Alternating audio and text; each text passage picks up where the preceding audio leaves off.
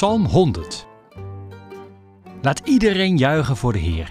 Eer de Heer met vreugde. Kom bij hem met een vrolijk lied. Zeg, ja, de Heer is onze God. Ja, de Heer is God. Hij heeft ons gemaakt. Wij zijn van Hem. Wij zijn Zijn volk.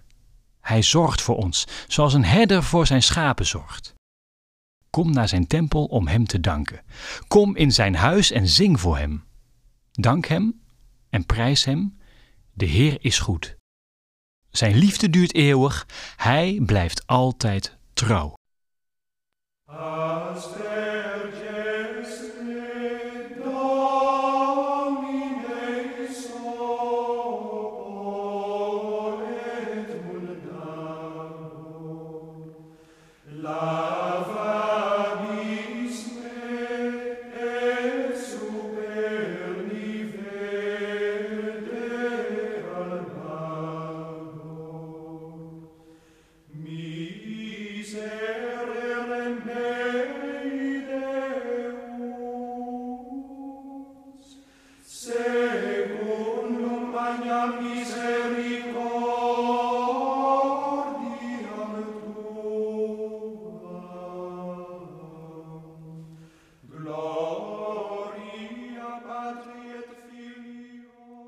Psalm 100 is een korte psalm.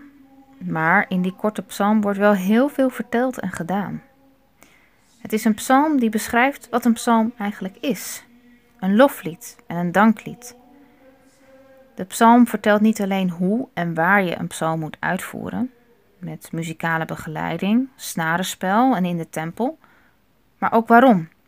Om God eer te doen, God die mensen heeft gemaakt, God die goed is en trouw. En terwijl dat allemaal op poëtische wijze wordt verteld, wordt ook meteen de daad bij het woord gevoegd en jubelt de psalmdichter het uit. Kunnen wij in de voetsporen van de psalmdichter treden? Ik zie mezelf nog niet zomaar de poorten van de tempel in Jeruzalem binnenhuppelen. De vraag is ook of je dat moet willen. De psalm roept op om God te loven en te danken. Kan altijd en overal, toch? Dankbaarheid is wel een emotie waar we soms niet zo goed raad mee weten. We weten soms niet welke kant we op moeten met onze dankbaarheid. Je kunt je tot in het diepst van je ziel dankbaar voelen voor het leven, voor de kleine momenten van geluk, voor de mensen om je heen. Maar tegelijk voelen we ons soms ook wat verlegen met die dankbaarheid. We weten niet goed tot wie of wat je je moet richten met die dankbaarheid. In onze geseculeerde samenleving zijn er weinig gelegenheden die zich lenen om individueel of collectief je diepe dankbaarheid te uiten. Tot wie moet je je richten en hoe? De filosoof Paul van Tongeren wijst erop dat wanneer het niet duidelijk is tot wie we onze dank moeten richten, we niet goed weten wat we ermee aan moeten.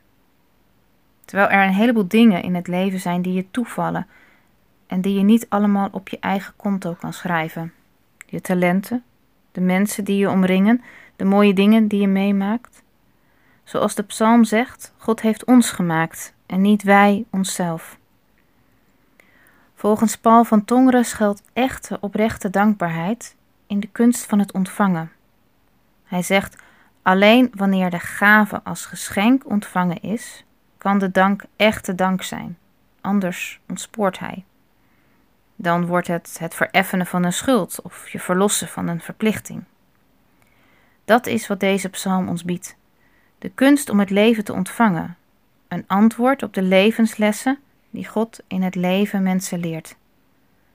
De God van het Oude Testament bevrijdt mensen steeds weer uit een benarde situatie, uit een bedreigend bestaan. God stelt mensen in de ruimte, een plek om te zijn, om te leven vrij van bedreigingen en zorgen.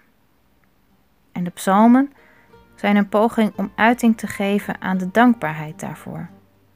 Misschien dat we niet jubelend de tempel binnengaan, maar we kunnen wel elke dag de tijd nemen om drie dingen op te schrijven die je toevielen en waar je dankbaar voor bent.